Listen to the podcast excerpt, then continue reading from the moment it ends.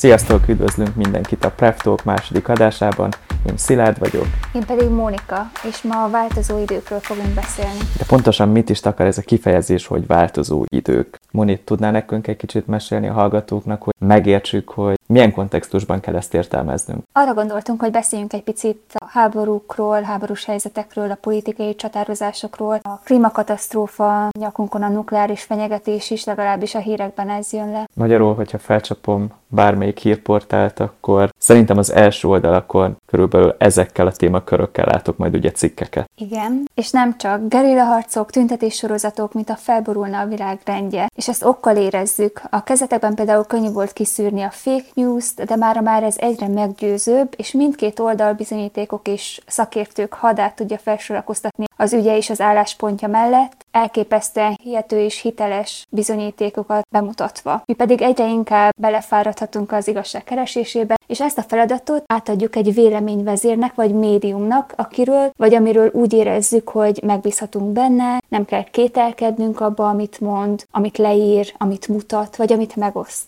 Magyarul itt most egy olyan folyamat zajlik, hogy maga az információnak a feldolgozása, ami valójában egy eléggé hosszadalmas és nehézkes folyamat, ennek a, az egész folyamatnak a nehézségét, ezt konkrétan odaadjuk valakinek, aki helyettünk is megpróbálja értelmezni, és a nagyon egyszerű vezérfonalakat adni nekünk, ami által tudjuk ezt az egészet befogadni. Ennek azért vannak előnye és hátránya is. Előnye talán csak annyi, hogy megsporoljuk magunknak azt a gondolkodást, amivel mi tudnánk értelmezni azt, hogy ezt hogyan is fogjuk fel, mi ebből, ami számunkra fontos. Hátránya viszont rengeteg van. Például az is, hogy elveszítjük a valósággal való kapcsolatunkat, elveszítjük azt az egész gyönyörűséget az egész információfeldolgozásban, hogy a saját élményeink és a saját prekoncepcióink és a saját háttértudásunkkal próbáljuk az új információkat behelyezni. De szerintem ami a leges legfontosabb és ami a legkárosabb, hogy innentől kezdve kritika nélkül tudunk elfogadni olyan véleményeket és olyan információkat, amelyek előfordulhat, hogy nem úgy vannak számunkra interpretálva, ahogy kellene. Tehát itt valójában az igazságot, de itt azért el lehet gondolkodni azon is, az igazság az valójában létezik el, vagy relatíve, de hogy valójában az, a, ami megtörténik, azt nem mindig úgy kapod meg olyan részletben, ahogy kellene. Én ezt egy picit cáfolnám, mert szerintem ebben az információdömpingben elképesztően nehéz kiszűrni azokat az információkat, amelyeknek lehet igazság alapja. Láthatjuk most is, hogy például a, olyan videók kezdtek terjengeni nagyobb hírnévvel rendelkező újságokban is, amelyek nem eredetiek voltak, vagy nem most készültek. És hogyha egy magát háborúban, vagy a háborús helyzetben, vagy ukrán-orosz konfliktusban jártasnak mondó szakembert is meg tudnak ezek a képkockák téveszteni, akkor valószínűleg egy mezei halandót, aki csak felületesen fogyaszt híreket, sokkal jobban be tudja folyásolni. Vagy már vannak olyan játékok is, amelyek elképesztő vizualitással tudnak meggyőzőek lenni, főleg azoknak, akik nem használtak soha ilyen játékokat, vagy nem játszottak ilyenekkel. Szerintem tudom, melyik példára gondolsz, viszont egy, az állításod egy részével teljesen egyetértek, hogy nem lehetünk mindenben szakértők.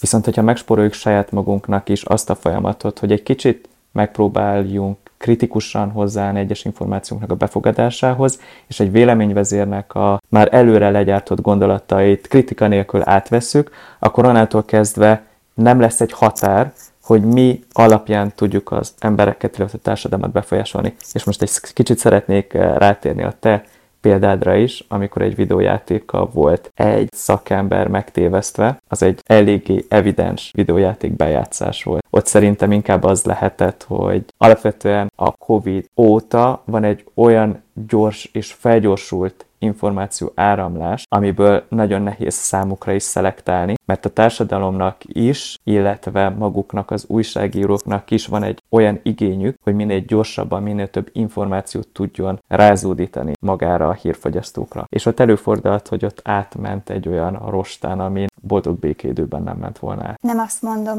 hogy mindenki átadja az irányítást egy személynek. Én azt mondtam, hogy ezek a folyamatok felelősödtek, és szerintem azok a folyamatok is, amelyek beskatujáznak egy-egy médiumot, hogyha elkezd bizonyos szemszögből közvetíteni egy konfliktusról. Nincs átjárás, vagy mintha nem lenne átjárás a két pólus között, valaki vagy csak most, most az orosz-ukrán konfliktusra levetítve, vagy csak orosz érdekeket előtérbe helyezve mutatja be a konfliktust, vagy csak ukrán érdekeket előtérbe helyezve. És szerintem ez a nagyon éles határvonal, amitől vagy csak jobbra, vagy csak balra, vagy csak fent, vagy vagy csak lent lehet elhelyezkedni, ez szerintem nagyon káros. Ezzel nagyon egyetértek. A podcastünknek az árszpoetikájában talán benne is volt, hogy ezeket is szeretnénk elkerülni, hogy ne csak szélsőségekben tudjunk gondolkodni, mert valójában ezek a hírfogyasztói folyamatok is ezeket próbálják meg felerősíteni. Hogy valaki tényleg csak szélsőségesen egyik oldalról, a másik pedig a másik oldalról hajlandó a különböző újdonságokat, információkat értelmezni, és ez teljes mértékben meggátolja azt, hogy a későbbiekben bármiféle párbeszéd jön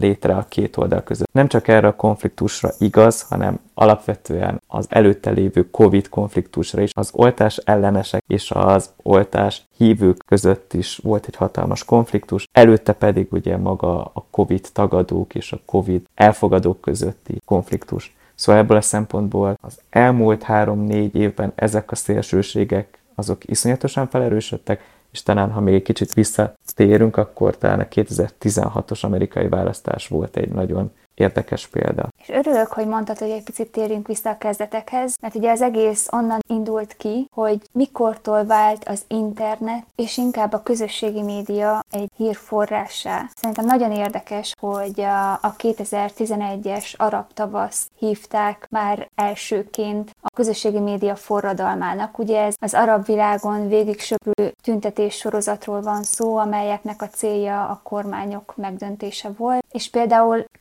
2012-ben volt alkalmam egy ukrán képzésen beszélgetni egy egyiptomi sráccal, aki megosztotta a saját történetét, meg azt, hogy hogyan élték át az első napokat. Ugye az egyiptomi forradalmat, az arab tavasz egyiptomi részét a nílusi forradalomnak nevezi. Mindegyik országban kitört tüntetés sorozatnak van saját neve. Ő mondta azt, hogy egyrészt ugye az volt az érdekessége ezeknek a forradalmaknak, hogy az egyetlen közös médium, ahol a kapcsolatot tudták tartani, az a Twitter volt, vagy Facebook csoportok, ahol meg tudták osztani várhatóan, hol lesznek majd a tüntetések, hol találkoznak, és hány órától. És ami szerintem a legérdekesebb volt, és amelyhez mi is tudunk csatlakozni, és valószínűleg azért is mondta el nekem ezt a történetet, mert mondta, hogy a, a forradalom első napjaiban ők elkezdtek nézni videókat a 89-es román forradalomról, hogy hogyan kell utcára vonulni, mi történt, hogy hány nap alatt döntötték meg a hatalmat Romániában, és ez a fajta információ áramlás, amikor egy 89-es amatőr felvételt, amikor még a,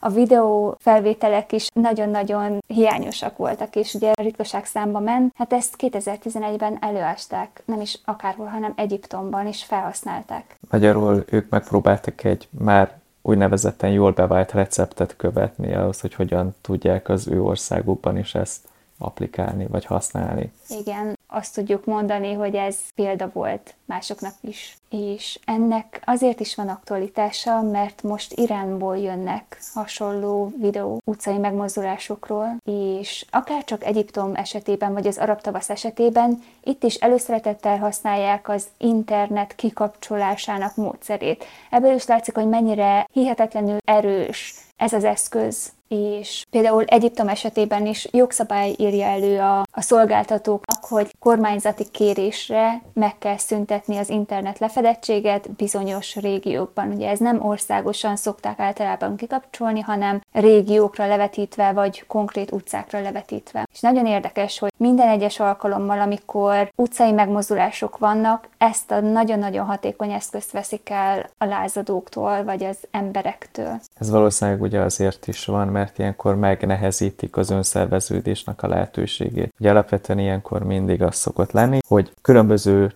Telegram, WhatsApp, Facebook csoportokban szokták a felkelők egymással közön, hogy akkor hol lesz egy következő nagy találkozás, és akkor ezek az önszervező csoportok így tudnak jobban kapcsolódni, és így tudnak szervezetten működni. Tehát emiatt is van az, hogy ilyenkor ezeket a módszereket szokták alkalmazni a kormányzati szervek. És itt lenne egy kérdésem, amit szerintem érdekes a pszichológia szemszögéből végigjárni. Mi van akkor, hogyha kapod már a közösségi média felületeken is ezeket a híreket, azok, azokon a felületeken, amit szórakozásra és kikapcsolódásra használsz? És mi van, hogyha Instagramon, TikTokon, Facebookon jönnek szembe ezek a, a képek, véresebb képek is egyébként, amelyek átmennek a közösségi média szűrőin? Mit tudsz ezzel kezdeni? Szerintem ez egy nagyon jó kérdés is, nagyon tág választ lehet erre adni. Első körben én kicsit cáfolnám azt, hogy a közösségi média az már csak szórakozásra használható, illetve szórakozásra használandó. Most egy kicsit visszaemlékezünk mondjuk a tínédzser korunkra vagy gyermekkorunkra, akkor a Facebook elején talán mondhatjuk azt, hogy akkor leginkább a szórakozásra volt ez használatos.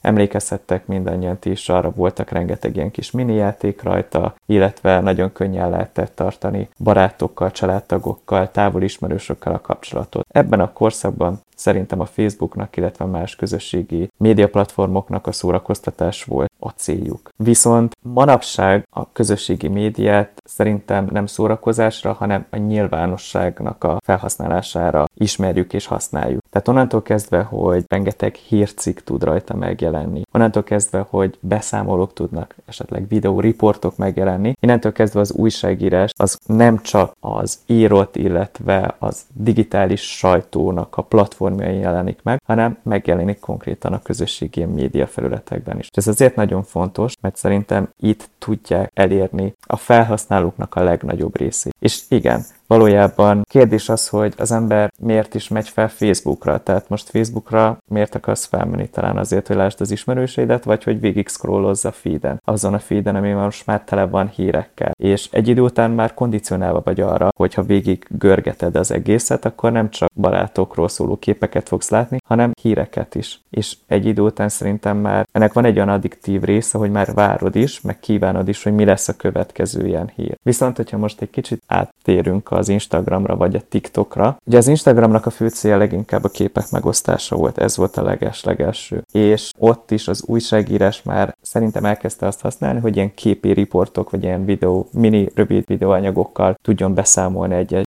konfliktusról vagy egy-egy helyzetről legfrissebb emlékeinket akarjuk behozni, akkor szerintem az viszont a TikTok lesz, aminek egy kicsit én úgy érzem, de bevallom őszintén nem olvastam ezekről, vagy erről kutatásokat, tehát nem tudom, hogy a, a statisztika mit mond erről, de például a TikTokon sokkal kevesebb aktuális hírrel kapcsolatos videót tudsz látni, tehát az algoritmus nem úgy működik, mint például a, a Facebookon, vagy mint például az Instagramon. Ha esetleg visszagondolsz a február 24-e utáni napokra, akkor körülbelül az első hét tele volt olyan videókkal, ami elvilegesen az aktuális orosz-ukrán konfliktus mutatta be. És ott rengeteg olyan videó volt, amely később kiderült, hogy ez vagy a 2011-es krími elcsatolás idején történt, és úgy volt beállítva, mint a jelenlegi konfliktusból behozott videók. Viszont ez körülbelül egy vagy két hét után teljesen eltűnt róla. Tehát az az algoritmus, ez elkezdett úgy dolgozni, hogy kiszűri ezeket a videókat. És ma már nagyon-nagyon ritka ehhez hasonló, illetve jellegű videókat találsz a TikTokon. Úgyhogy nem tudom, remélem ez a válasz egy kielégítő volt számodra. És még egy picit tovább kérdezni, érezheted-e jól magad, amikor körülötted összeomlik a világ? Legalábbis ez a benyomásod. Uh-huh. Erre szerintem röviden és tömören igen a válaszom. Voltak igen kutatások és voltak cikkek ezzel kapcsolatban, hogy a Covid után, illetve az orosz-ukrán konfliktus után sok emberben merült fel az a kérdés, hogy érezheti-e magát jól, amikor tényleg mellette problémák, konfliktusok vannak, de valójában nem szabad elmennünk a mellett, hogy a te egyéni mentális egészséged az egyik legfontosabb, hogyha ezzel rendben vagy, hogyha jól érzed magad, hogy olyan dolgokat csinálsz, amit téged boldogát tesz, akkor téged egy olyan kompetens emberi formál, a személyiséged, te egyéni egészséged olyan szinten lesz, hogyha bármikor esetleg konfliktus helyzet van, akkor te tudsz másoknak segíteni, és nem neked kell segíteni. Azok a cselekmények, amelyek téged boldogát tesznek, azok a későbbiekben a te rezilienciádat elő tudják segíteni. És most egy kicsit így visszatérnék erre, hogy említetted azt, Mónika, hogy érezheti magát az ember jól, hogy mellette minden borzasztóan rosszul megy. És hogy valójában az európai embernek egy kicsit megtört az az omni omnipotencia érzése, ami a korábbiakban volt, ami vasfüggöny leomlása után az európai emberben ez így kialakult, hogyha bármilyen olyan konfliktus van, akkor az minket úgysem fog érinteni. Mert hogy valójában erre egy-kettő olyan dolog volt, ami egy kicsit így megérintette, ilyen volt ugye a 2001-es amerikai terrortámadás, illetve a 2010-es évek eleje közepe között lévő európai városokban lévő terrorcselekmények. De hogyha bármilyen olyan konfliktus volt, akkor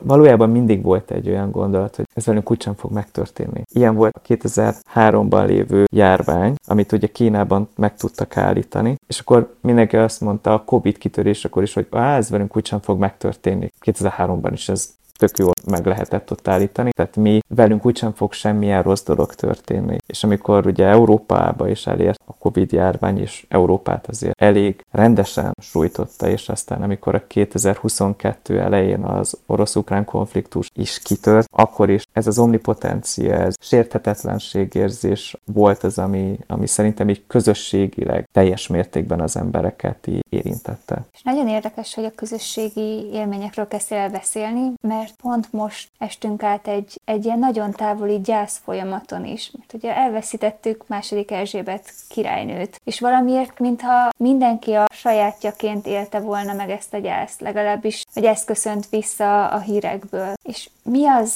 amitől ennyire magunkinak tudjuk érezni? A második Erzsébet halálát? Akár. Egyrészt azt, hogy második Erzsébetnek létezésével együtt nőttünk fel. Tehát szerintem az is nagyon fontos, hogy amióta a hallgatók nagy része az eszét tudja, Anglia és a nemzetközösség vezetőjét második Erzsébet királynőnek hívták. És valójában magának, brit királyi családnak volt egy ilyen hatalmas nagy média reprezentációja is. Mindenki előtt ott volt. Talán tinédzser gyerektől, ha megkérdezett, hogy ki Anglia királynője, akkor tudni fogja, vagy legalább társítani tudja az arcképét valamihez. És ez szerintem elképesztően érdekes, hogy azok a, a vezetők, akik nagyon sok ideig gyakorolják a hatalmat, úgy nőnek fel a következő generáció szemében, hogy bennük nem is biztos, hogy tudatosul, hogy ez egy választott tisztség, amit bizonyos ideig lehet betölteni, mert egyszerűen nem ismernek más, vagy sosem láttak abban a szerepben mást. És ezzel most egy picit visszareflektálnék az első részben, mert ott beszéltünk a reprezentáció fontosságáról, és hogy mennyire fontos az, hogy gyerekként vagy fiatalként láss magad előtt reprezentatív szereplőket bizonyos pozíciókban, csak azért is, hogy el tud képzelni, hogy akár megvalósítható számodra is. Azért kicsit szeretném tisztázni, hogy csak hogy a későbbi félreértések elkerülése véget nem második Erzsébet királynőre gondoltunk itt, amikor a választott tisztségekről beszéltünk. Persze. Csak összehasonlítottam, hogy az is egy, egy hosszabb periódus, és vannak még olyan vezetők a világban, akik nagyon hosszú periódusokon keresztül vezetik egy-egy országot, demokratikusan, vagy nem épp annyira demokratikusan, és biztos azoknak, akik nem láttak abban a szerepben másokat, nagyon nehéz elképzelni, hogy milyen lehet a világ, vagy milyen lehet a saját életük akkor, hogyha valaki más ül ott. Még egy kicsit szeretnék visszatérni a Covid-ra, illetve a Covid hatására a társadalomban, mert ez az elmúlt három évben nagy mértékben volt meghatározó. Egy magyar összefoglaló tanulmány volt az, ami vizsgálta a világban a PTSD-nek az előfordulását ezekben az években, és azt állapították meg, hogy korábban 1 és 3 százalék között volt a posztraumás stresszavaroknak a megjelenése, míg a Covid idején ez egészen a 20 százalékra emelkedett fel. Ez a 20 százalék egy olyan nagyon magas szám, hogy általában a háborút vívó társadalmakban mérhető ilyen magasan a posztraumás stresszavaroknak az előfordulása. Alapvetően egy kicsit beszéltünk arról is, hogy mit jelent maga a PTSD, mert ugye ez a PTSD ez egy olyan traumatikus élmény után létrejövő komplex stresszavar, amely előfordulhat flashbackekkel. Ugye ezek azok, azok az epizódok, amikor így magának a traumatikus eseménynek a forgatókönyv előtted lejátszik, és nem igazán tudod megkülönböztetni a valóságtól. Ez akár álmodban is előre jöhet, de ugyanúgy ilyen emlékbetörések képén is. PTSD miatt nagymértékű elkerülés is lehet, tehát azokat az ingereket megpróbálod elkerülni, ahol maga az egész traumatikus esemény létre. Ilyen esetleg, hogyha megpróbálod elkerülni azt az utcát, megpróbálod elkerülni azt a várostól veled valamilyen nagyon nagy probléma történt. Egymértékű fokozott éberség is kialakul, hiszen maga a szervezeted ez megpróbál nagy mértékben rákoncentrálni arra, hogy a következő ilyen traumatikus élményt ezt megpróbálja elkerülni, és hát ugye ez a hangulatodra is nagy mértékben negatívan járul hozzá. És ugye ezek kialakulhatnak természeti katasztrófáknál, kialakulhat akkor is, hogyha bármilyen abúzus érhet téged, de ez kialakulhat akkor, hogyha egy, egy gyilkosságnak vagy a szemtanúja, vagy hogyha egy, egy krónikus betegségnek a lefolyását szenveded végig. Úgyhogy, hogyha megnézzük, akkor a COVID-nak a különböző tünetegysége akár meg, megfelelhetnek magának a különböző PTSD-s kiváltó okok is, és maga a kutatás az, az nagymértékben európai, illetve ázsiai országokat is belevett, így voltak adatok Kínából, Olaszországból, Egyesült Királyságból, és akár Indiából is. És ugye emellett még az is nagyon fontos volt, hogy valójában az is hozzájárulhatott maga a különböző hangulati zavarok, illetve stresszavaroknak a létrejöttéhez a Covid idejében, hogy volt vele egy hatalmas nagy stigmatizáció. Az elején, aki ugye elkapta magát a Covidot, azokra úgy tekintettek rá, mint hogyha 600 évet repültünk volna vissza az időben, és ők lettek volna magának az egész betegségnek az okozói. Emellett volt egy nagyfokú izoláció is, ami ugye személyes izoláció, és ugye társadalmi izoláció is volt, és ugye maga az, hogy a, a média folyamatosan a Covid-dal kapcsolatos híreket súlykolta, ez ugyancsak nagymértékben erősítette meg az embereknek azt a félelmét, azt a szorongását, ami a Covid-dal